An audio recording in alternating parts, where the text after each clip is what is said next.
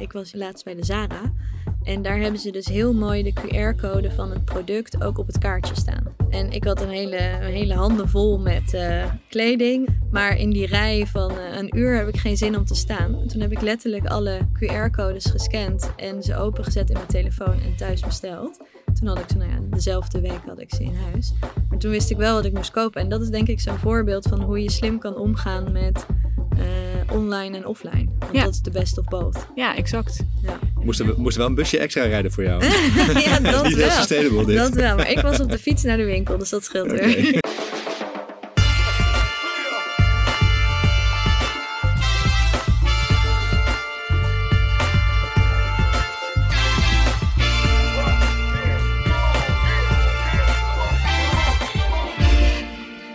Goedemorgen, goedemiddag, goedenavond of wanneer je dit ook luistert.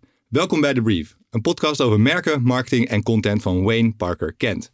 Mijn naam is Gerben van der Rijt Ik ben Charlotte van Dijk. en dit is de eerste The Brief van 2023. Wij gaan gewoon lekker door waar we gebleven waren en hebben alweer een paar mooie gasten op de planning. In het begin van het jaar is het altijd fijn om vooruit te blikken, dus dat gaan we ook doen vandaag. En dan kun je maar beter mensen van Google uitnodigen, dachten wij zo, want die hebben alle antwoorden. Ja, nou ja, allereerst natuurlijk aan al onze luisteraars en gasten. Gelukkig nieuwjaar. Gelukkig nieuwjaar, ook aan jou, Char. Ja, en aan jou. Heb je nog goede voornemens dit jaar? Oh, dat is altijd een beetje lastig, hè? Maar ehm, ja, we willen natuurlijk de brief nog beter maken dan het al was. Ja, hoe gaan we dat doen? Ja, ik denk, eh, we hebben natuurlijk, wat je net al zei, mooie gasten op de planning staan. Eh, goed blijven verdiepen. Maar we hebben nu ook een eh, enquête eruit staan eh, om nou ja, wat meer insights te krijgen van onze luisteraars. Wat vind je leuk, wat vind je niet leuk? En met die antwoorden hopen wij toch ook voor iedereen eh, elke keer een mooie show te blijven neerzetten. Ja, dus dit is eigenlijk al meteen het eerste oproepje, en, oproepje om een kijkje te nemen in de show notes. Vandaar vind je een linkje ook naar, ja, naar deze enquête. En met de uitslagen daarvan gaan wij ons best doen om de brief nog mooier, beter en eh, succesvoller te maken voor jullie luisteraars eh, dit jaar, 2023. En heb je nou een leuke gast die je erbij wil hebben? Ja, gooi hem erbij. Vooral even weten. Zeker. Hey, we gaan, vandaag gaan we dus eh, eh, met iemand van Google praten. Eh, jij was toevallig vorig jaar was jij in Dublin op een, op een werktripje met Mediahuis. En ben je bij Google langs geweest. Ja, Wat, wat viel je daar het meeste op? Hoe was dat überhaupt? Om bij ja Google nou, te dat gaan? was natuurlijk. het is altijd leuk, denk ik, om bij Google langs te gaan. Het is een bedrijf wat kantoren heeft zoals je dat niet eerder hebt gezien. Ik had hem toevallig in Silicon Valley ook al gezien en nu in Dublin ook. Dus dat is altijd leuk. Nederlands hoofdkantoor nog niet gehad. Nederlands hoofdkantoor nog niet gehad. Nee. Dus dat eh, wellicht de volgende Wellicht keer. krijgen we een uitnodiging. Precies. Maar wat ik vooral heel leuk was, vond, is dat ze vertelden over de 20% regel van Google. Ehm, waarbij ze eigenlijk werknemers in staat stellen om 20% van hun tijd aan een passieproject of een, eh, ja, een persoonlijk ontwikkelingsproject te doen. Zo, ik kom bijna niet meer woorden. Ehm, Komt voornamelijk, die oliebol, denk ik. voornamelijk om eh, de, ja, de werknemers creatief te houden. Eh, dat vond ik echt heel vet om te zien. Ja, wat ik mooi vind, want dit is best wel al, dit doen ze al heel lang bij Google. En eh, dat het nog steeds bestaat, vind ik dus best wel mooi. Het was niet ooit eens een, een lokkertje voor nieuw personeel of wat dan ook. Het is echt vanuit een bepaald geloof dat ze dit hebben geïnitieerd. En Ja. volgens mij, ik weet niet precies welke, misschien weet Marleen dat zo meteen wel. Maar er zijn ook hele mooie initiatieven uit voortgekomen, volgens mij. Ja, er zijn de- een aantal nieuwe business dingen vertelden ze uit voortgekomen, maar ook gewoon op persoonlijk vlak. Mensen Ja. tijdens de coronacrisis ziekenhuizen hebben geholpen of eh, nou ja, iets, een hele, iets heel anders dan je dagelijkse werk, maar dan toch gesupport door Google. Ja. Ik vond het toch wel, eh, ja, met al die verhalen heel cool om eh, Ja. op het gebied van creativiteit mee te maken. Vond ik leuk. Ja. Zeker, ja. Hey, en hoe was het eten? In Dublin? Nou, bij Google. Oh, bij Google. Ja, ik we hoor hebben, altijd verhalen over vijf, zes eh sterrenrestaurants. En, eh, Ja, nou, we hebben het gezien, want we kwamen aan tijdens de lunchtijd. Dus het was, het was druk en het was, eh, er gebeurde een hoop. Maar we hebben helaas zelf niet meegegeten. helaas. Nee. Nou, hoe gaan we dat in Nederland doen bij Google? Kijken of het daar net zo goed is. Precies. Tijd om, om onze gast van vandaag, en ik verklap haar naam al heel eventjes, Marleen, Marleen Smit. Tijd om haar fatsoenlijk aan de luisteraars voor te stellen. Dus laten we dat meteen gaan doen. In het begin van haar carrière vond Marleen Smit het vooral fijn om geld uit te geven. Als inkoper zorgde ze voor scherpe deals en het juiste assortiment bij Kruidvat, Trekpleister en later Hema. Maar Marleen wilde ook de andere kant van het commerciële spelletje leren kennen. Bij Colgate Palmolive ging ze aan de slag als accountmanager. De glimlach die dat op haar gezicht toverde, bleef ruim 9 jaar plakken. Van accountmanager werd ze uiteindelijk Head of E-commerce en Retail Marketing Manager Europa. Danone en Heineken waren de volgende bedrijven op haar lijstje. Maar na een leven lang bij FMCG-fabrikanten wilde ze toch op zoek naar de ideale volgende stap. Google was het antwoord. Sinds een jaar is ze daar Industry Director Retail. Met haar team volgt ze de trends binnen retail op de voet.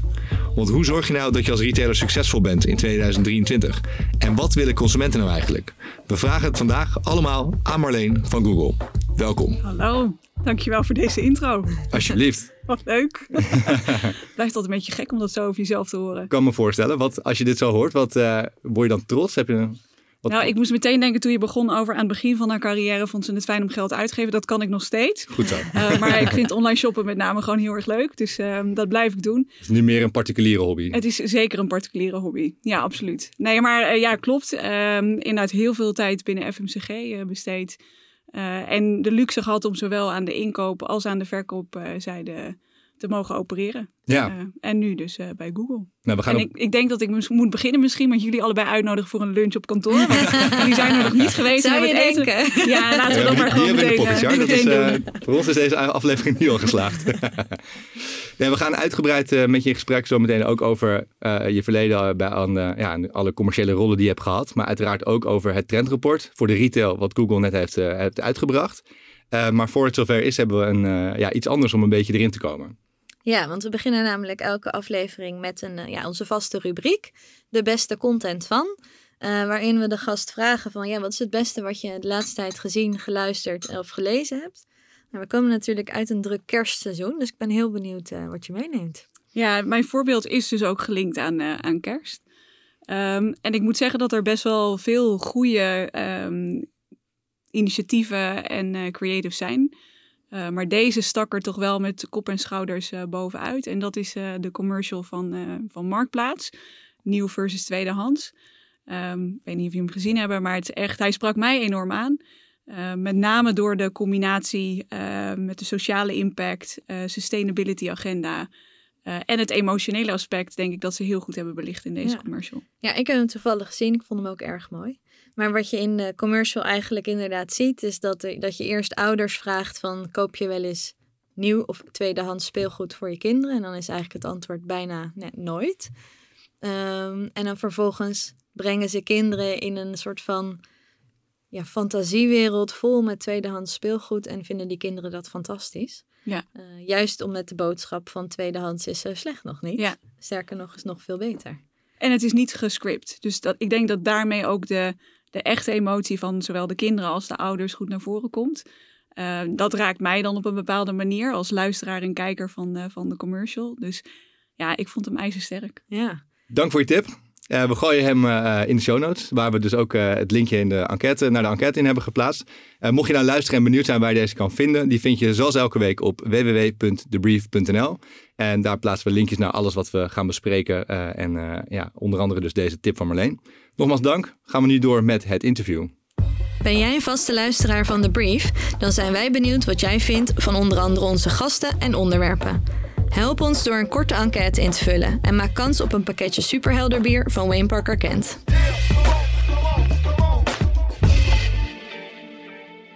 Je begon als inkoper bij AS Watson en Hema en werd daarna verkoper bij L'Oreal en Colgate Palmolive. Eigenlijk een commercieel begin van je carrière. Ja.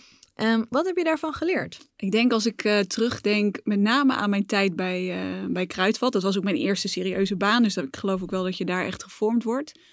Iets wat me altijd is bijgebleven is dat um, de toenmalige inkoopdirecteur altijd werkte onder het motto Kruidvat en Co. Dus die zei altijd, je doet alsof het je eigen, of je opereert alsof het je eigen winkel is. Dus dat betekent dat je rekening moet, mee moet houden dat jouw broer wellicht vakken staat te vullen, je moeder misschien achter de kassa staat, je neef uh, in het magazijn staat. Uh, en hoe zou je dan de beslissing op het hoofdkantoor nemen? Um, onderdeel toen was ook om een aantal weken in een filiaal te werken, um, een week in een distributiecentrum te werken. En dat deden ze echt met name om je ervan te bewust te worden wat het betekent um, om uiteindelijk uh, onderdeel van die keten te zijn. En ervoor te zorgen dat mensen op het hoofdkantoor niet in een soort van ivoren toren zouden zitten en met allerlei gekke ideeën zouden komen die nooit werkten op de winkelvloer of in het distributiecentrum. Dus terugkomend op je vraag, wat heb ik daarvan geleerd? Ik denk, opereren alsof het je eigen business is en daarmee heel bewust inrichten en heel bewust keuzes maken, is zeker iets wat ik daaruit geleerd heb. Um, en zoveel mogelijk de consequenties van jouw handelen en keuzes door de hele keten overzien. Uh, en ik hoop dat mensen dat nog steeds herkennen. Uh, dat ik me niet opsluit in een of andere ivoren toren. Uh, maar me bewust ben van de acties of de consequenties van mijn acties. Ja. Was het niet laatst ook Jinek die heel graag bij de kruidvat wilde werken? Ja, heeft ze ook gedaan volgens mij. Ja. ja. fantastisch toch? Ja. ja. Nou, ik kan zeggen dat ik dat gedaan heb. Um, en dat is uh, fantastisch. En het is een goede tijd en je leert te veel. Uh, het is een goede leerschool voor mij geweest. Dus uh, ja, ook dankbaar voor die tijd daar. Heel tof. Nou ja, het is wel mooi dat je dat dan meeneemt vervolgens ook in de rollen die je daarna hebt. Dat je dan eigenlijk die mindset, dus noem je het dan nu ook Google en Co? ja, goeie. nou, ik, ik, denk wel dat dat nog steeds een van mijn, uh, mijn mantra's is. Um, kijk, ik doe dat niet alleen. Uh, ik doe dat met een fantastisch team in Amsterdam en in Dublin en andere specialisten in India en op andere plekken uh, in de wereld. En we zijn daar om onze partners te helpen. Dus ik ben me heel bewust van de rol die we daarin hebben. Um, dus dat linkt denk ik wel terug naar hoe ik ben opgegroeid en welke leerschool ik heb gehad aan het begin van mijn carrière. Uh, wat je doet heeft een impact en daar moet je heel bewust van zijn, vind ik. Wat, wat past het beste bij eigenlijk? Dat wil ik weten. Was het meer het, het geld uitgeven of het geld binnenhalen? Wat, hoe heb je dat ervaren? nou, ik kan nog steeds heel goed geld uitgeven, maar dan wel mijn eigen geld. Ja, ja um, dat zei je al. Nee, ik, ik denk dat um, ik vind, met name de combinatie is voor mij heel goed geweest. Um, ik ben redelijk jong uh, inkoper geworden voor grote pakketten. Um, ik merkte wel dat ik daar zeker in die fase wat hardere randjes van kreeg. Uh, die zijn er een beetje afgepolijst op het moment dat ik de overstap maakte naar sales. Um, ik vind in de salesrol die ik met name dan nu heb, of de salesorganisatie waar ik onderdeel van ben, um, die past mij heel goed omdat we heel veel partners kunnen helpen. Tuurlijk blijft het een salesrol, maar de, dat, dat serviceonderdeel is wel heel belangrijk voor ons. Um, dus ja, wat past beter? Ik denk dat ik nu een goede uh, sales uh, director ben, doordat ik de inkoopervaring uh, heb gehad. Ja. Uh, van allebei heel veel geleerd. Maar ik zit nu heel erg op mijn plek. Gewoon een hele complete ervaring door het allebei meegemaakt te hebben. Ja, denk wel. Ja, ja. ja had ik niet willen missen. Ja, Oké. Okay. En bij Colgate eindigde je in de retailhoek ook. En uh, nou ja, met een beetje een omweg kwam je bij Heineken terecht. Daar was je Global Head of e-retail. In je carrière zijn dat ook twee onderwerpen die we veel terug zien komen. Dus niet alleen de retail, maar ook ja, de internationale allure van merken. Waar komt dat vandaan, denk je? Ja, ik denk dat ik heb sowieso altijd wel iets gehad met reizen uh, en het ontdekken van nieuwe culturen. Um, dus dat heeft er al, al jong in gezeten.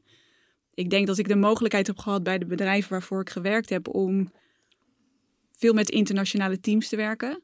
Um, en dat is me altijd heel erg goed bevallen, omdat het mij op een bepaalde manier challenged om met nieuwe oplossingen te komen.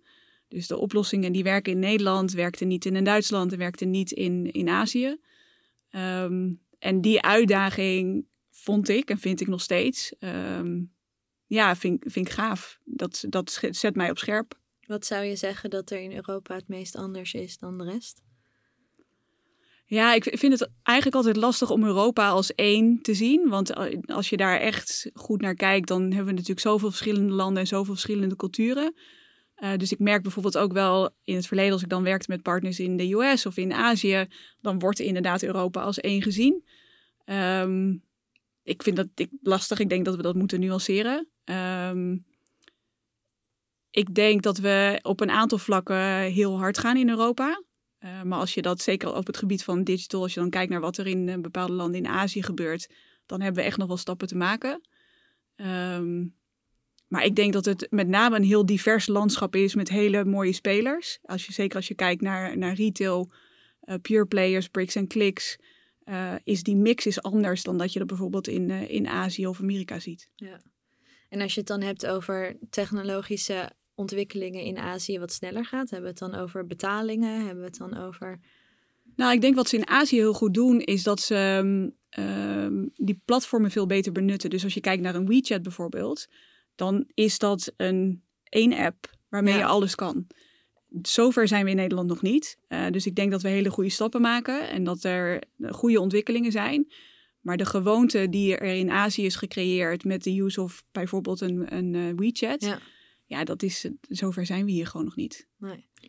Los van alle internationale merken en ook, je hebt ook in het buitenland gewerkt uh, tussendoor. Maar los van dat gedeelte van je carrière tot nu toe, valt het ook op dat je uh, ja, best wel veel uh, voor retail hebt gewerkt. Uh, of in, ja, verantwoordelijk bent geweest voor retail. Waar, waar komt die voorliefde vandaan? Was je ook iemand vroeger die met Koningsdag af heel vroeg een, een kleedje uit klaarlegde en al, allemaal spulletjes ging verkopen? Of? Ja, ik was wel heel ondernemend. Dus ik, ik weet wel inderdaad dat toen, toen ik klein was, ik wel allerlei manieren zocht om business te maken. En dan knutselde ik iets en dat wilde ik dan verkopen. Of ik ging met een Playmobil uh, toestel foto's maken. En dan rende ik naar de keuken om foto's te tekenen. En die probeerde ik dan te verkopen. Um, krantjes voor de buurt. Uh, dus er, heeft altijd wel iets ingezeten. Uh, en ik denk dat dat gewoon aangewakkerd is in, in mijn eerste rollen binnen, binnen retail. En ik geloof wel dat als je eenmaal met dat retailvirus besmet bent geraakt, dat het je niet meer loslaat. Nee, blijkbaar, inderdaad. Ja, in mijn geval is dat in ieder geval niet gelukt, ja. Hey, wat, wat, uh, want je hebt min of meer, nou ja, als we helemaal plat slaan, je bij Heineken dezelfde rol ongeveer ingevuld als bij, bij Colgate. Wat, wat maakt het uh, werken bij Heineken toch anders? Nou, los van het feit dat uh, tandpasta en bier best wel verschillend is en ook een hele andere um, aanvliegroute vereist. Um, denk ik dat het moment waarop ik instapte binnen, binnen Heineken ook heel anders was. Um, er was wel het een en ander gaande op het gebied van, uh, van digitaal uh, en e-com. Maar de grote slagen waren eigenlijk nog niet gemaakt. Dus in mijn rol binnen Heineken heb ik vooral heel veel tijd en energie gestopt in het eigenlijk het, het educaten van de mensen binnen de eigen organisatie. Uh, en heel duidelijk partnerships opgezocht met grote retailers wereldwijd.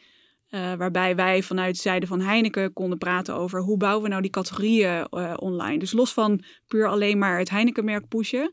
Uh, hoe helpen we die retailers nou om zichzelf beter op de kaart te zetten en meer van die categorie te maken? Um, en ik denk dat die journey op een ander moment voor mij begon binnen, binnen Heineken dan binnen een Colgate bijvoorbeeld. Ja, echt meer iets opgebouwd eigenlijk bij Heineken. Ja, denk ik wel. Ja, en, en het grote verschil was dat mijn rol binnen Heineken was global uh, en de rol waar je aan refereert binnen Colgate was een Europese rol. Uh, dus dan komen we weer op die nuances die er zeker zijn ja. binnen Europa. Maar ik, ik denk met name uh, de verschillen tussen de verschillende werelddelen maakten we met name die rol bij Heineken ongelooflijk interessant. Ja. Sinds februari vorig jaar werk je bij Google als Industry Director Retail. hoe zou je je rol daar omschrijven? Wat, wat zijn je taken en je verantwoordelijkheden? Uiteindelijk ben ik, ben ik binnen Google uh, met mijn teams uh, verantwoordelijk voor de partnership met uh, retail adverteerders binnen Google Ads. Um, en dat betekent heel concreet dat wij met die grote partners, retailers en merken um, samenwerken om ervoor te zorgen dat zij het maximale uit onze Google-oplossingen halen. en belangrijker misschien nog wel is om hen te helpen om die digital acceleration op een goede manier vorm te geven die bij ze past. Ja. Uh, dus echt een gesprekspartner te zijn uh, voor onze partners en voor de industrie. Om uiteindelijk daar ja, precies. En, en vooral gericht op de, de retailers, de webshops, ja, de, die kant. Zeg ja. ja. En dan werk je voor het eerst in je leven niet bij een FMCG-partij, maar bij een groot techbedrijf. Ja. Hoe is dat? Ja, ik heb het ongelooflijk naar mijn zin. Uh, ja, dat behoeft geen uitleg, maar Google is wezenlijk anders dan alle andere bedrijven waar ik hiervoor heb gewerkt los van het feit dat ik Google voelt, voelt echt als een warme jas die ik heb aangetrokken uh, in uh, februari vorig jaar. Um, Wat vind je het leukste aan werken bij Google? Los van de lunch. nou, die lunch is inderdaad wel echt, daar verbaas ik me iedere dag nog over. Nee, wat, mij, wat leuk is aan deze rol is dat ik waar ik in het verleden onderdeel was van één bedrijf of één merk, uh, heb ik nu eigenlijk de luxe positie om met heel veel verschillende bedrijven en heel veel verschillende merken te werken. Um, ik werk met een fantastisch team. Er zitten allemaal hele, hele knappe koppen uh, in Amsterdam, in Dublin en, uh, en India en andere plekken waar we onze collega's hebben zitten. En het is fantastisch om met die mensen de ideale oplossing voor onze partners uh, te vinden. Dus het is wel lokaal. mijn scope is in principe Nederland. veel van onze klanten hebben wel een internationale scope. Dus toch weer een beetje dat internationale. maar ik denk het weer het zoeken naar die oplossingen, creatieve oplossingen vinden om uiteindelijk het beste voor die partners uh, uh, naar boven te kunnen halen. Ja, dat is wat mij uh, absoluut aanspreekt in deze rol. Ja. En het is nieuw, dus het gaat uiteindelijk over hetzelfde onderwerp. Ik heb alleen een andere kant van de tafel misschien. Ja. Nou ja, je zegt dat, dat je inderdaad bezig bent met partners om te kijken naar de beste oplossingen binnen nou ja, de Google Solutions, de, de Google oplossingen. Um, gaat dat ook wel eens de andere kant op? Dat je dan feedback krijgt vanuit de markt en dat je denkt van oeh, dat hebben we eigenlijk niet. Of oeh, dat is er nog niet zo in die markt, maar dat hebben veel partners nodig. Is dat iets wat je dan kan terugkoppelen naar, naar uh, een hoofdkantoor waarbij je zegt van hé, hey, ik kom dit wel heel vaak tegen? Nou, ik denk, ik denk dat die feedback überhaupt onderdeel is van een goede businessrelatie. Dus ik vertrouw erop dat wij relaties hebben met onze partners op een manier dat ze ons die feedback kunnen geven. Ehm, en we horen inderdaad wel eens dingen van, joh, kunnen we daar op die manier naar kijken of zouden we dat kunnen aanpassen?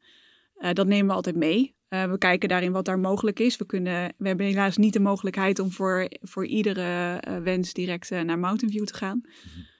Um, maar het is wel in ons allebei belang, of in ons beide belang, om ervoor te zorgen dat we de optimale oplossingen vinden.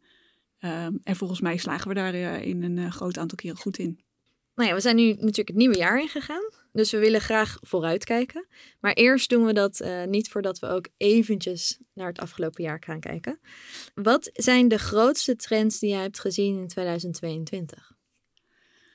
Ja, ik denk, maar dat is waarschijnlijk al vaker gezegd, change is the only constant, is waarschijnlijk het thema voor 2022. Um, ik denk dat iedereen na de hele COVID-wave had verwacht dat we het allemaal wel een beetje hadden gezien. En toen gebeurden er natuurlijk een hoop andere dingen. Um, dus ik denk dat uh, flexibiliteit een groot thema is geweest uh, van consumenten en van, uh, van retailers. En welke evenementen zie je dan voornamelijk op het gebied van retail? Kijk, natuurlijk corona, winkels dicht. En, ja. um, maar zie je dan bijvoorbeeld, welke thema's zie je dan voornamelijk terugkomen in 2022? Ik kan me ook nou, de oorlog met Oekraïne voorstellen. Ja, zeker. Ik denk dat de oorlog absoluut um, zijn impact heeft op consumentenvertrouwen, op bestedingen, op energieprijzen, die natuurlijk direct impact hebben op, uh, op retailers die wel uh, fysieke winkels hebben.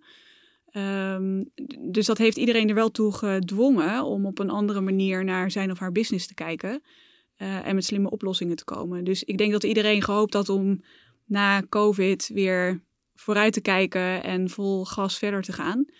Um, en dat er een aantal andere onvoorziene uitdagingen zijn opgedoken. Uh, waardoor iedereen wel weer even terug moest naar de tekentafel. Ja, en juist natuurlijk voor heel veel bedrijven die al nou ja, met schulden zaten na corona, of tenminste schulden, vaak wel, maar in ieder geval uh, minder goede. Uh, Winst- en verliesrekeningen. Ja, minder ja. goede PNO's hadden dan gebruikelijk. Hoe zie je dat dan terug? Zijn ze dan um, angstiger om meer geld uit te geven, bijvoorbeeld, als het gaat om ads? Of zie je dan juist dat ze denken van, nou ja, let's go? Nou, ik denk dat retailers zich heel bewust zijn van hun uitgavenpatroon. En we zien wel heel erg een focus op uh, profitability. Um, dat is op zich niet nieuw, maar ik denk dat in, de, um, in het moment waarin we nu zitten, dat dat misschien nog meer onder een vergrootglas uh, uh, wordt gelegd. we zien daarbij ook de rol van CMO, CFO heel duidelijk. Dus ik denk dat het voor ons ook een rol is binnen, binnen Google om ook CFO's beter te begrijpen uh, en ook een gesprekspartner voor CFO's uh, te zijn. Zie je dan dat uh, de CFO zich meer mengt in, de, in het gesprek om bestedingen? Of, ja, in een groot aantal gevallen wel. En ik, ik, ik, begrijp dat ook wel. Ik denk als het mijn business zou zijn, zou ik dat wellicht ook doen. Dus ik denk, en dat zijn misschien een van de dingen die we ook zien in 2023 of de gesprekken die wij ook hebben met een groot aantal partners, is zoek die intersectie ook op en begrijp van elkaar, zowel aan de financiële zijde en aan de marketingzijde, wat de agenda is en wat, wat de doelstellingen zijn. En probeer daarin samen te werken om de juiste keuzes te maken. Um, we zien wel dat bedrijven die dat goed doen, uh, ja, die maken wel, uh, wel stappen. Ja, de verwachting was dat na corona dat er toch nog ja, het consumentengedrag veranderde tijdens corona, ook gedwongen natuurlijk. Uh, de verwachting was altijd dat dat deels ook zo zou blijven, ondanks dat eh, de ja, fysieke winkels weer open zouden gaan. Wat, wat hebben jullie daarop op dat gebied gezien? Is dat inderdaad is er echt iets wezenlijks veranderd of is alles weer bij het oude? Nou, dat consumentengedrag of de gewoonte om online te blijven of te winkelen is, is zeker gebleven. Dus dat is wel wat we noemen sticky behavior. Um, er is zeker ook een teruggang richting fysieke winkels. Dus, en er, er blijft altijd natuurlijk een hele belangrijke rol voor fysieke winkels. Uh, dus we zien wel dat mensen dat ook zeker hebben opgezocht. Maar de gewoonte om online je aankopen te doen. En of dat nou kleding is, of dat dat nou reizen zijn, of dat dat uh, boodschappen zijn. Uh, die zien we wel. En we hebben ook wel het vermoeden dat dat blijft. Ja, dat zie je ook wel als je gewoon naar de cijfers kijkt van... Ja. Ja. ja. Oké, okay, interessant. Nou ja, we willen natuurlijk ook graag vooruitkijken naar 2023. Daar zitten we hier tenslotte voor. Um, en dat willen we doen aan de vier trends die, die jullie hebben als Google geïdentificeerd voor ja, het nieuwe jaar in de retail. Welke vier trends zijn dit? Ja, er zijn natuurlijk een hele hoop belangrijke thema's. En als je allerlei trendrapporten daarop naslaat, dan krijg je waarschijnlijk een hoop uh, um, een hoop trends die heel relevant gaan zijn. Wij hebben gekeken naar wat zijn de onderwerpen waar wij ook onze rol kunnen pakken als Google. Ehm, en die zijn op zich niet wereldschokkend. Ik denk dat heel veel van de, van de thema's die wij voor 2023 verwachten ook al een grote rol hebben gespeeld, met name in de tweede helft van 2022. Uh, dus dan gaat dat met name over shopping experiences. Uh, dus de ultieme shopping experience, seamless shopping experience. Dat gaat over een stuk sustainability en social responsibility. Uh, natuurlijk nu ook al hoog op mensen hun agenda, maar we verwachten dat dat ook in 2023 heel belangrijk blijft. Um, en dan heb je andere thema's als trust en um, privacy en safety. Um, en ik denk een onderliggend thema, daar raakten we het net al een beetje aan, is profitability. Dus hoe zorgen retailers en merken ervoor dat ze op een gezonde manier hun business blijven vormgeven. Ja. Dus dat zijn wel de hoofdthema's waarvan wij in ieder geval verwachten dat het een grote rol gaat spelen in 2023 voor retail. Laat, laten we ze één voor één uh, kort behandelen. Uh, te beginnen met profitability. misschien een kleine no-brainer, maar waarom denken jullie dat dit belangrijk gaat worden aankomende jaar? En hoe zie je die trend zich ontwikkelen? Nou, ik denk voortbordurend op wat we aan het einde van 2022 hebben gezien.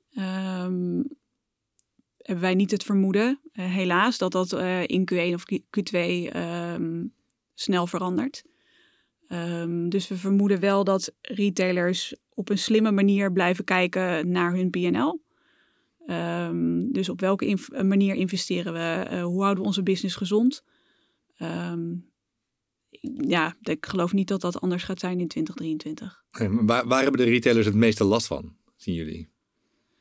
Nou, wat we terugkrijgen ook van de gesprekken die wij, die wij voeren, is dat nu met name ook wel die energieprijzen, en dan heb ik het met name over de bricks en clicks, uh, enorm drukken.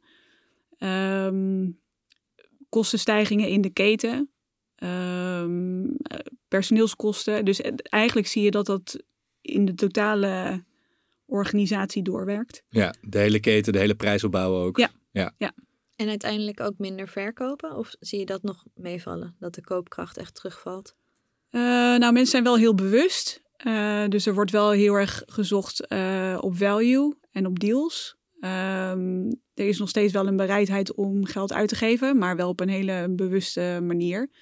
Um, ik weet het niet uit mijn hoofd, maar volgens mij zien we wel dat inderdaad de aankoopwaarde licht daalt. Maar de intentie om te kopen is er nog wel. We zien bijvoorbeeld wel trends dat er meer gezocht wordt op tweedehands. Uh, dus terug naar het uh, marktplaats uh, voorbeeld. dat is iets wat we wel, wel zien. dus die ontwikkelingen houden we natuurlijk wel in de gaten en delen we met onze partners. Hoe, hoe kun je dan, als, de, als dit een thema is voor het nieuwe jaar, zeg maar, hoe kunnen retailers daar het best op inspelen? Is dat dan meer focus op online of is dat gewoon de bricks en de clicks, de bricks dan sluiten of minder focus op leggen?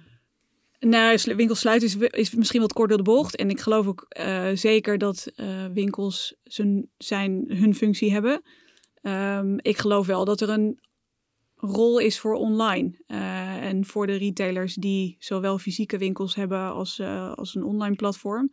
Is het wel interessant om te kijken hoe is die balans en hoe gaan we online inzetten voor, voor offline. En dat linkt een beetje aan die seamless experience waarvan we ook verwachten dat dat een trend gaat zijn. Of een thema blijft. Uh, ik denk dat er een hoop te winnen is voor veel retailers door online en offline op een betere manier aan elkaar te koppelen. En dat niet als uh, silo's te zien. Nee, het gewoon één, zie het als één operatie eigenlijk, één, één ding. En dan zorgt dat uh, de, de, juiste aandacht voor naar de juiste onderdelen uitgaat. Ja, exact. En ik, ik denk dat er wordt nu veel nog, en, en ik begrijp dat ook wel, maar veel gekeken naar welke investeringen worden online gedaan en wat is dan mijn return on investment voor online. terwijl wij ook zien dat investeringen op online een effect hebben op offline. Ja. Uh, en op het moment dat je dat kan combineren en meer holistisch naar je impact van je investeringen kan kijken, ja, dan wordt het een veel interessanter plaatje voor, uh, voor retailers. En we weten ook dat mensen die on online en offline shoppen meer waardevol zijn voor retailers. Dus ja. ze shoppen meer en ze geven meer uit. Het komt ook heel erg wel overeen met hoe ik, als ik zelf ga shoppen bijvoorbeeld. Inderdaad, je, hoe vaak ga je niet online uh, of ga je naar de winkel om iets te passen bijvoorbeeld. Maar koop je het online waar het goedkoper is of ja. andersom. Je combineert die twee kanalen. Het, is niet, het staat niet los van elkaar. Dus dat is wel goed om er op die manier in ieder geval naar te kijken. Zijn er voorbeelden van, van retailers waarvan jullie zeggen van die zijn wat dat betreft, zijn die best wel ver om uh, op deze manier uh, op deze trend in te spelen? En dan bedoel je op die shopping experience? Nou, meer op, op gewoon goed kijken naar de, naar de profitability, bijvoorbeeld door naar de shopping experience te kijken of Ja, kijk, we, we hebben natuurlijk. Uh, het is lastig voor ons om dat te beoordelen. Ik denk wel dat er slimme keuzes worden gemaakt door een aantal, uh, aantal retailers. Um, dat zit hem, denk ik, met name dan ook in dat stuk inderdaad combineren van, uh, van online en offline. Um, ja, lastig om daar echt retailers nu uh, voor te benoemen die dat, uh, die dat heel goed doen. Ga geen, uh, geen prijzen uitdelen. Geen namen en rugnummers nee. op dit onderwerp, nee. Ja, als je dan ziet dat de profitability nou ja, een, een lastig onderwerp is en dat inderdaad marges lager worden. Um, wij zijn natuurlijk creatieven. Zie je dan dat um, juist de retailers meer belang hebben bij creatieve marketing? Of zie je juist dat dat echt uit de budgetten wordt geschrapt? Nou, de retailers maken daar verschillende keuzes in. Ik denk wel dat er een hele duidelijke rol is en blijft uh, voor goede creatives. Um, en ik denk zeker in deze tijden dat uh, je je zeker met een goede creative kan onderscheiden. Um, en er zijn goede manieren om dat te doen op een kostenefficiënte manier. En ik ga weer terug naar het marktplaatsvoorbeeld. Uh, ik denk dat dat een relatief low-cost initiative is geweest. Ik heb daar niet aan de tekentafel gezeten, uh, maar het was non-scripted. het zijn geen dure acteurs. Dus ik denk dat er met name een, een oproep wordt gedaan of een, een beroep wordt gedaan op de creativiteit, more than ever misschien wel, om je te onderscheiden als merk en als retailer. En dat hoeft niet altijd heel veel geld te kosten. Um, dus ik denk dat we op bepaalde manieren onszelf misschien een beetje moeten heruitvinden. Ik ben wel benieuwd, want in, in deze tijden heb je ook altijd de eeuwenoude discussie van... moet je dan juist gaan voor meer performance gedreven marketing... of moet je juist nu aan je merk bouwen nu de rest het niet doet? Wat, wat is jouw kijk daarop? Ook vanuit je jarenlange ervaring. Ja, mix is altijd een beetje flauw antwoord dan. Hè? Maar ik, ik geloof daar wel in. Ik denk dat we de, de kracht van, uh, van brand niet moeten onderschatten. En dat er op brand nog heel veel kan en moet gebeuren in Nederland. Um, dus ik denk dat het een niet zonder het ander werkt. Um, het hangt ook een beetje af van de fase waarin een bedrijf zit en de periode van het jaar. Um, maar ik geloof zeker in de kracht van, uh, van brand. En in het geval van, uh, van Google gaat dat dan natuurlijk over YouTube. Um, dus ik, ik geloof heel erg in de versterking van beide. Maar het investeren in merken en je, je duidelijke positionering um, ja, blijft onmiskenbaar belangrijk uh, voor retailers. Ja, maar als je zo kijkt naar profitability, als dat een thema is, uh, dankzij een sterk merk kan je vaak ook hogere prijzen vragen aan een consument. Wat je profitability of je marge in ieder geval ten goede zou moeten kunnen komen. Ja, ik denk wel dat de consument heel bewust is. En het is natuurlijk makkelijker dan ooit om prijzen te vergelijken. Dat wel. Dankzij Google. Onder andere. Ja, ja precies. Um, nee, dus eh, die transparantie die is er. Uh, dus ik denk dat we niet moeten onderschatten hoe zichtbaar prijzen eh, zijn voor consumenten. Um, maar ik denk dat het, het heeft te maken met het onderzoeken van de ruimte in de markt. Uh, je positionering als merk en als retailer. En daar de juiste keuzes maken. Um, en daar kan verhoging van prijzen een onderdeel van zijn. Oké, dan gaan we nu door met de tweede trend, uh, privacy. Het komt denk ik voornamelijk omdat de wereld van uh, nou ja, het web en privacy best wel veel verandert. Dat is deels de vraag van consumenten, maar ook door regels van de EU. En je ziet natuurlijk ook nu dat allerlei cookies uh, worden weggenomen, in ieder geval de third-party cookies. Hoe ga je daarmee om met jouw retailers? Voor ons is het belangrijk om dat gesprek aan te gaan met, met retailers. Hoe ziet die wereld er dadelijk voor hun uit? Uh, hoe zorgen we voor een um, sustainable uh, first party data strategie. Dus hoe werken we met onze partners om dat goed vorm te geven? Um, hoe gebruiken zij de data? Hoe com communiceren ze dat voornamelijk ook naar hun, um, hun shoppers? Uh, want we zien wel echt dat het communiceren van die privacy, wat doe je met data, dat dat heel belangrijk is. Dus daar gaan de gesprekken met name over. En we hebben daar producten voor, zoals Consent Mode. Dus we brengen dat in in de gesprekken met onze partners om te kijken of we die op die manier verder kunnen helpen in deze journey. Ja, want met die third-party cookies, als die weggaan, weet je natuurlijk veel minder over je, je klanten eigenlijk. Ja, correct. Um, hoe ziet dat er dan uit, dat consent mode? Wat, wat, hoe gaat dat eruit zien in 2023? Consent mode hebben we nu al, dus we sorteren eigenlijk al voor. Dus we, er zijn al partners die, uh, die daarmee werken. Um, dus dat is niet iets waarmee we hoeven te wachten op um, uh, het eind van de third-party cookies. Uh, we willen gewoon zorgen dat mensen bewust zijn van de keuzes die ze maken op het moment dat ze ergens mee instemmen. Uh, en die oplossingen die zijn er al. Ja, dus dat is feitelijk net als dat je nu aanklikt, ik accepteer de cookies. dat je dan iets van consent mode aanklikt? Of hoe moet ik dat eigenlijk voor me zien? Ja, dat is vergelijkbaar. Ja. Uh, derde trend dan, waar we op uh, willen inzoomen met je, sustainability. Een trend die denk ik in, uh, in elke trendrapport of elke sessie koffiedik kijken voor 2023 wel, wel terug gaat komen. Op welke manier speelt dit thema een, een rol binnen, binnen retail? Nou, ik denk dat consumenten steeds meer verwachten van retailers en van merken ehm, dat er nagedacht wordt over de sustainability agenda. Dat er sustainable oplossingen worden of alternatieven worden, worden aangeboden. Je ziet dat natuurlijk al wel met een aantal retailers die bijvoorbeeld voor delivery aangeven dat de levering op een bepaald moment een meer eco-friendly oplossing is, omdat het busje al door je straat rijdt. Uh, er in supermarkten worden al uh, meer verwijzingen gemaakt naar uh, producten die meer sustainable zijn. dus het staat hoog op de agenda van, van onze retailers. Um, en wij vinden dat we daar als, als Google onze, onze rol in moeten pakken. we zijn daar zelf ook heel druk mee bezig. we hebben een ambitie om in 2030 net zero te zijn in al onze operaties. dus het is zowel voor ons als organisatie heel belangrijk als in onze partnerships met, met retailers. Ja. En hoe ziet zo'n samenwerking er dan uit? Wat, waarmee je dat eigenlijk uh, ja, aanbeveelt aan je partners? Krijg je dan kortingen? Of, of wat is het dat je, waarmee je de partner helpt eigenlijk? Ja, het is eigenlijk heel divers. Het, is met name, um, het zijn met name oplossingen binnen onze uh, Google Cloud uh, organisatie. Maar je moet daar bijvoorbeeld denken aan een tijd geleden een case gehad met Carrefour. Waarbij we aan de hand van data en machine learning ze hebben kunnen helpen om food waste in de winkels te reduceren. Uh, Dus lifetime van producten en de omloopsnelheid van producten, dat samen te brengen en tot goede inzichten te komen uh, om uiteindelijk dus die, uh, die reductie te verminderen. met UPS hebben we volgens mij een, een programma gedraaid waarbij we hebben gekeken naar de meest um, zuinige routing voor auto's. Um, binnen Maps heb je natuurlijk oplossingen om te kijken naar laadpalen op bepaalde uh, locaties in, uh, in Nederland en, en verder. dus dat zijn eigenlijk meer een beetje de ideeën waar je aan moet, moet denken, waarbij wij vanuit Google een rol kunnen spelen op de sustainability agenda bij onze partners. Ja, en waarbij je dus ook echt wil meedenken om te kijken van hoe kunnen we dit verder werken. Ja, precies. Ja. ja.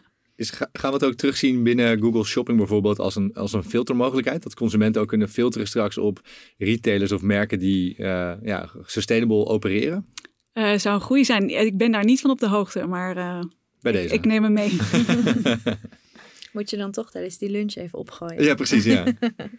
We maken er een wat langere lunch van. Krijg je dan 20% van mijn tijd ook om hier, uh, hier op te werken? Of, precies. Um, kun je een voorbeeld geven van een... Nee, je noemde nu UPS, noemde je al eventjes, en Carrefour.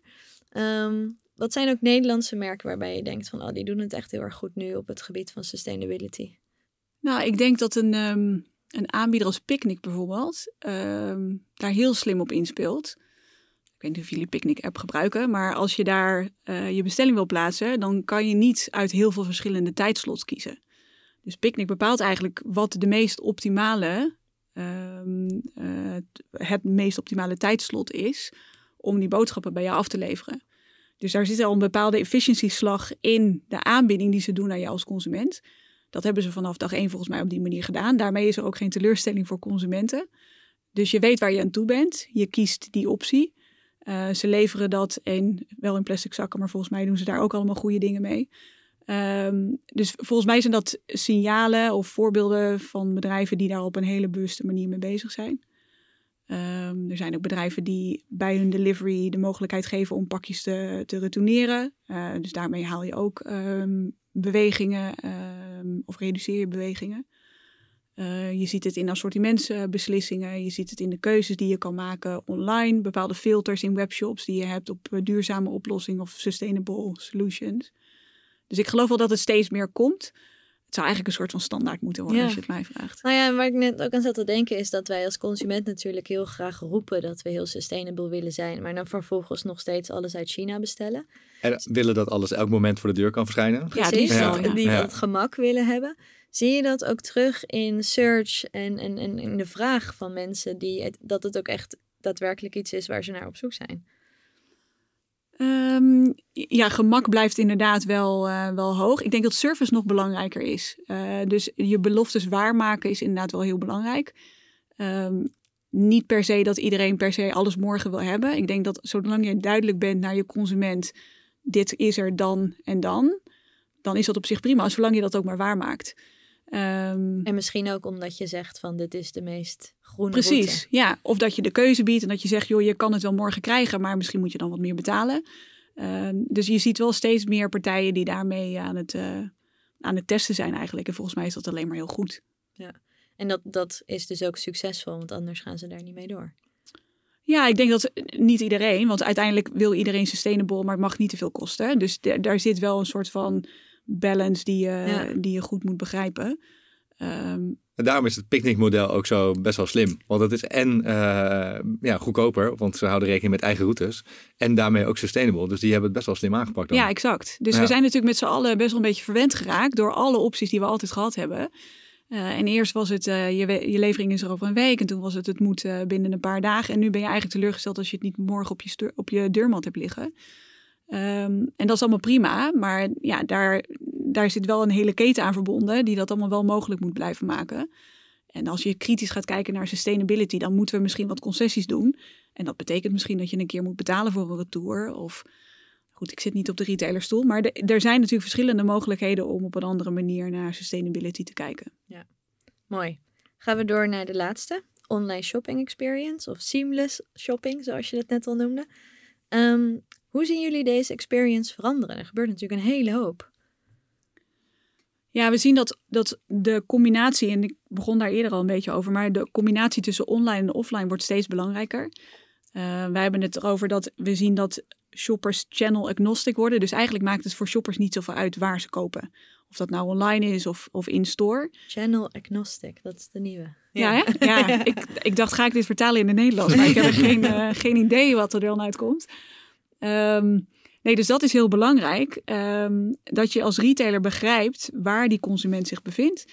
Met welke messaging, op welke manier of op welk moment je hem of haar het beste kunt bereiken. Um, en als je dat spel goed door hebt, ja, dan gaat er denk ik wel een wereld voor je open. En we zien wel dat een aantal mensen dat goed doen. We hebben een groot onderzoek gedaan samen met een uh, externe partij, Pattern. Project Box noemen we dat is een onderzoek um, in acht landen in Europa, 24 verschillende retailers, waarbij we aan de hand van de mystery shopper gekeken hebben hoe ziet die journey er nou eigenlijk uit? En hoe goed zijn jullie uh, op het gebied van online? Of uh, sorry, de, de omnichannel ervaring. En dat is echt fascinerend om te zien wat er, wat er dan naar boven komt. Ja, er waren een paar highlights die je kan noemen. Nou, het is, het is heel mooi om te zien, of mooi, uh, interessant om te zien dat er in de winkel weinig uh, referentie wordt gemaakt in een aantal gevallen naar online. Wellicht een gemiste kans. Uh, er zijn nog uh, beperkte mogelijkheden om het online te bestellen en in de store op te halen of te retourneren. Dat wil je uiteindelijk ook liefst zo makkelijk mogelijk maken voor je shopper. Um, er zijn ook heel veel partijen die het heel goed doen, maar er zijn nog best wel stappen te zetten. Ik heb hier wel een goed voorbeeld van, want ik was hier laatst bij de Zara. En daar hebben ze dus heel mooi de QR-code van het product ook op het kaartje staan. Dus eh, op het labeltje van de, van de trui. En ik had een hele, een hele handen vol met uh, kleding. En het was echt, nou ja, precies zoals je dat meemaakt op een zaterdag. Overvolle winkel, enorme rijen, veel te warm met je winterjas aan. Dat je echt zat van, goh, ik heb nu wel alles gezien. Want ik vind het wel fijn om mijn kleding echt ook in het echt te zien en te voelen. Maar in die rij van uh, een uur heb ik geen zin om te staan. En toen heb ik letterlijk alle QR-codes gescand en ze opengezet in mijn telefoon en thuis besteld. Toen had ik ze, nou ja, dezelfde week had ik ze in huis. Maar toen wist ik wel wat ik moest kopen. En dat is denk ik zo'n voorbeeld van hoe je slim kan omgaan met uh, online en offline. Want ja. dat is de best of both. Ja, exact. Ja. En moest, werkt... moest wel een busje extra rijden voor jou. ja, dat Niet wel. sustainable dit. Dat wel, maar ik was op de fiets naar de winkel, dus dat scheelt okay. weer. je hebt het gecompenseerd. Ja. Heel goed. Nee, het is, is, inderdaad heel interessant. En je kan dat op twee manieren bekijken. Hè. Het is... Um, wat we ook veel zien is dat um, retailers nu steeds vaker hun winkelvoorraden koppelen aan, uh, aan, aan Google. Um, dus er wordt heel veel gezocht op uh, winkels bij mij in de buurt of bij mij in de buurt open. Ja. Uh, op het moment dat je dan je winkelvoorraden daaraan kan koppelen, dan is het natuurlijk veel interessanter voor een consument om inderdaad op zijn fiets te springen. Uh, om inderdaad naar die Zara te gaan en, ja. en dat artikel te gaan kopen. Als je weet dat het in stok is. Ja, ja. Uh, dus ja, het werkt meerdere kanten op. En ik denk nog uh, onvoldoende benut. Ja, zeker. Ja. En wat ook steeds groter wordt is social shopping. Instagram is eigenlijk één grote marktplaats aan het worden. En TikTok is aan het voorsorteren om dat ook te gaan doen. Hoe volgen jullie die ontwikkelingen? Nou, we volgen ze zeker. Um, en knap wat daar gebeurt.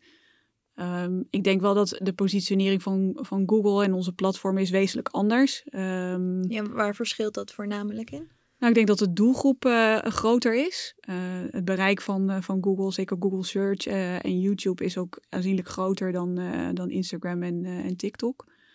Um, en de manier waarop we retailers ook de mogelijkheid geven om gebruik te maken van die platformen is, is ook anders. Ja. Um, dus nee, we, we, zien dat zeker. En knap wat daar gebeurt. Uh, maar het is wel echt op een andere manier dan, dan hoe wij onze producten inzetten.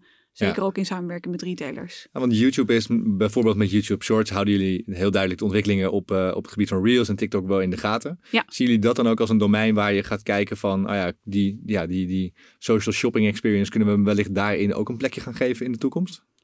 Ja, wellicht. Ik denk dat, dat uh, YouTube Shorts een heel goed, um, goede aanvulling is op, uh, op YouTube, zoals we dat altijd al kenden. En dat we daarmee inspelen op iets wat, waarvan we gezien hebben dat daar behoefte aan is. Um, ik denk wel dat, dat YouTube zijn kracht behoudt en dat er nog steeds heel veel ruimte is voor de formats die daar gemaakt worden. De samenwerking met de creators, die natuurlijk voor YouTube heel belangrijk is. Um, en daarmee onderscheiden we ons echt ook wel van, uh, van de TikToks en de, en de Instagrams. Dus het blijft een interessant verdienmodel ook voor creators om zich aan te sluiten bij, uh, bij YouTube. En daar hun eigen content te creëren.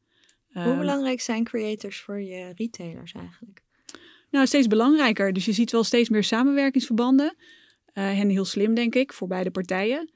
Um, het is echt wel een andere manier natuurlijk om je, om je merken naar voren te laten komen. Maar we zien wel dat steeds meer retailers heel bewust ook, ook in aanvulling op, uh, op tv, um, samenwerkingsverbanden opzoeken met, uh, met creators.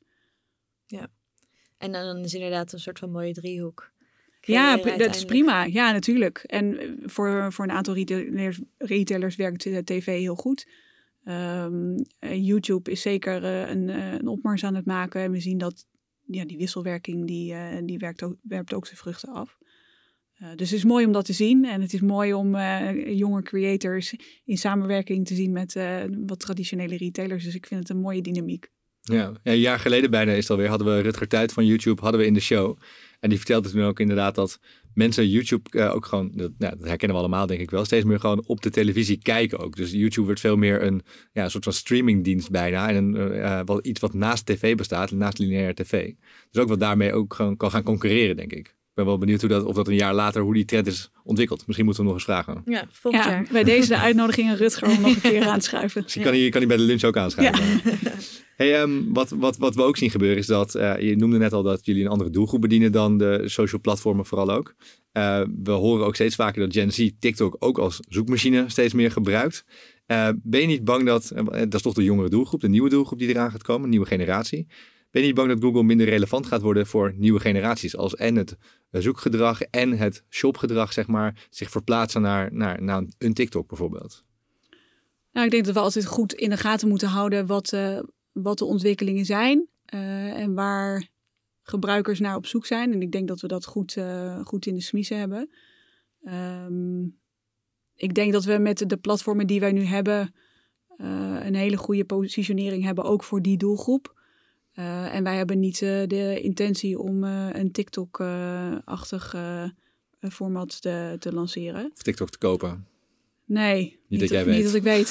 daar, ga ik ook niet over gelukkig. Maar nee, luister, het is, heel, het is goed om in de gaten te houden wat daar gebeurt.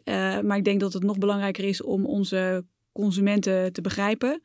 of onze gebruikers. en zolang we dat goed doen en daarop blijven anticiperen, dan dan denk ik dat we met YouTube en YouTube Shorts een hele sterke positionering hebben. Maar we zullen onze ogen nooit sluiten voor wat er om ons heen gebeurt. Nee, Nee, nou, lijkt me heel verstandig inderdaad, ja. hey, Google Shopping uh, werd al een paar keer genoemd uh, in de aflevering vandaag. Belangrijke service voor consumenten, denk ik, uh, vanuit jullie. Wat, wat zijn jullie plannen voor de toekomst, voor, de, voor dat onderdeel van, van Google? Kun je daar iets over vertellen? Nou, volgens mij staan er wat, uh, wat mooie initiatieven op stapel. Geen idee of ik daar hierover allemaal uit school mag klappen. Dus ja, ja doe, doe, doe, doe. Zeker. nee, misschien moeten jullie me dan nog een keer uitnodigen over een half jaartje. uh, nee, maar de, ook daar de ontwikkelingen staan natuurlijk niet stil. Um, en ik denk dat, uh, dat we dat ook mogen verwachten van een partij als Google om te blijven innoveren. Dus ook op het gebied van shopping staat er een hoop te gebeuren. Ja. ja, ik zag namelijk vandaag een, uh, een nieuwe Chrome-update voorbij komen. Waarbij je, nou ja, track prices en products. Uh, waarbij je dus letterlijk op producten kan aanzetten. Een soort van tracker van, hey, als er een goedkopere prijs elders is, dan laat het me weten. En dan krijg je van Google krijg je een mailtje. klinkt op zich natuurlijk voor de consument rete interessant, want je hebt altijd de goedkoopste prijs. Um, maar ik vroeg me wel gelijk af van ja, hoe zit dat dan voor de, voor de retailers? Ben je dan niet altijd soort van, sluit je dan niet de kleine retailers op den duur uit als het altijd maar goedkoper en goedkoper moet? Nou, ik denk dat het niet alleen een prijsgame uh, is in all fairness. Ik denk dat het nog steeds gaat om de totale beleving. Uh, dat is waar we het eerder ook over gehad hebben. Uh, uiteindelijk wil je die totale service aan je, aan je consument bieden of aan je koper. Uh, prijs is daarvan een belangrijk element, maar niet het enige. Ik geloof dat een hoop retailers zich nog steeds kunnen onderscheiden met goede service uh, en een bepaalde positionering. Ja, uh, dus, dus toch branding een stuk ook. Ik denk dat dat heel belangrijk is en blijft. Um, dus nee, prijs is absoluut belangrijk, maar is niet de, de grootste driver voor, voor alle merken per se. Nee. Nee, maar ik kan me zo voorstellen als je natuurlijk een mailtje krijgt van, oh je bent er heel lang op zoek naar een bepaalde tas en je krijgt dan een mailtje hier is die het goedkoopst, dan is natuurlijk de, de route klik klik en hij is in het winkelmandje is heel snel gemaakt. En dan is het natuurlijk best lastig om je nog te onderscheiden in uh, wat je daartussen doet eigenlijk aan experience. Ja, eens. Dat leidt eigenlijk weer terug naar het onderwerp van uh, loyale shoppers. Uh, dus dat is een, een ander thema waarvan we zien dat dat altijd al belangrijk was, maar zeker in de huidige omgeving steeds belangrijker wordt. Dus wat je eigenlijk wil is die loyal consumer base aan je binden. Um, ja, de prijs zal een belangrijke rol blijven spelen. Maar we hopen wel dat inderdaad retailers innovatief genoeg zijn om die loyale kanten aan zich te binden. Ja. Door een, juist een sterke positionering. Ja, en, en misschien ook aanbod. een stukje CRM aan de achterkant. Dat je zorgt dat je eigen klanten al de deals misschien op het eerste moment hebben. Dat kan ook, ja zeker. Ja. ja. Wat zijn, uh, als we vooruitkijken voor dit jaar, 2023, wat zijn, uh, wat zijn je dromen en, en wensen voor, uh, nou, vanuit je rol vanuit Google? Wanneer ben je blij? Oh, mooie. Um, ik ben blij als ik in december 2023 terug kan kijken op een, een relatief rustig retailjaar. Um, ik gun alle retailers en merken een, een jaar met iets meer tailwind. Um, en ik denk vanuit onze rol uh, zou het heel mooi zijn als we aan het einde van het jaar ons wat breder hebben weggezet. Uh, ik denk dat we nog heel vaak worden gezien als marketing- en media operatie. Waarbij ik vind en denk na mijn acht, negen maanden nu, uh, nu binnen Google. dat we een veel bredere rol kunnen, kunnen bekleden. Dus um, we kunnen dat gesprek aangaan met CFO's en we kunnen met CEO's praten over de bredere retail agenda. Uh, en op een bredere manier businesses ondersteunen. Dus als we daar stap in hebben gemaakt, dan, dan doen we dat goed. Meer als een consultant bijna. Ja, nou, nou ben ik zelf niet zo heel erg gek van de term consultant. Um, maar ik, ik, denk wel dat we daar een, een, andere rol kunnen spelen dan dat we tot op heden gedaan hebben. Ik denk ook dat we nog wel een stukje persoonlijker kunnen worden. Um, we zijn natuurlijk heel groot uh, en het ziet er allemaal heel groot uit. Maar hoe kunnen we die persoonlijke partner zijn en, en Google een beetje meer gezicht geven? Um, voor mij betekent dat dus vanuit, vanuit de retailhoek. Uh, dus als we dat kunnen doen vanuit Google, um, ben ik blij. Um, ja, voorop staat natuurlijk dat ik, uh, dat ik hoop dat we heel veel partners op een hele goede manier het jaar door kunnen loodsen. En nog veel meer uit een online business kunnen laten halen. en dat samen te doen met een heel gepassioneerd team. Ja, klinkt als een hele mooie ambitie voor, voor dit jaar.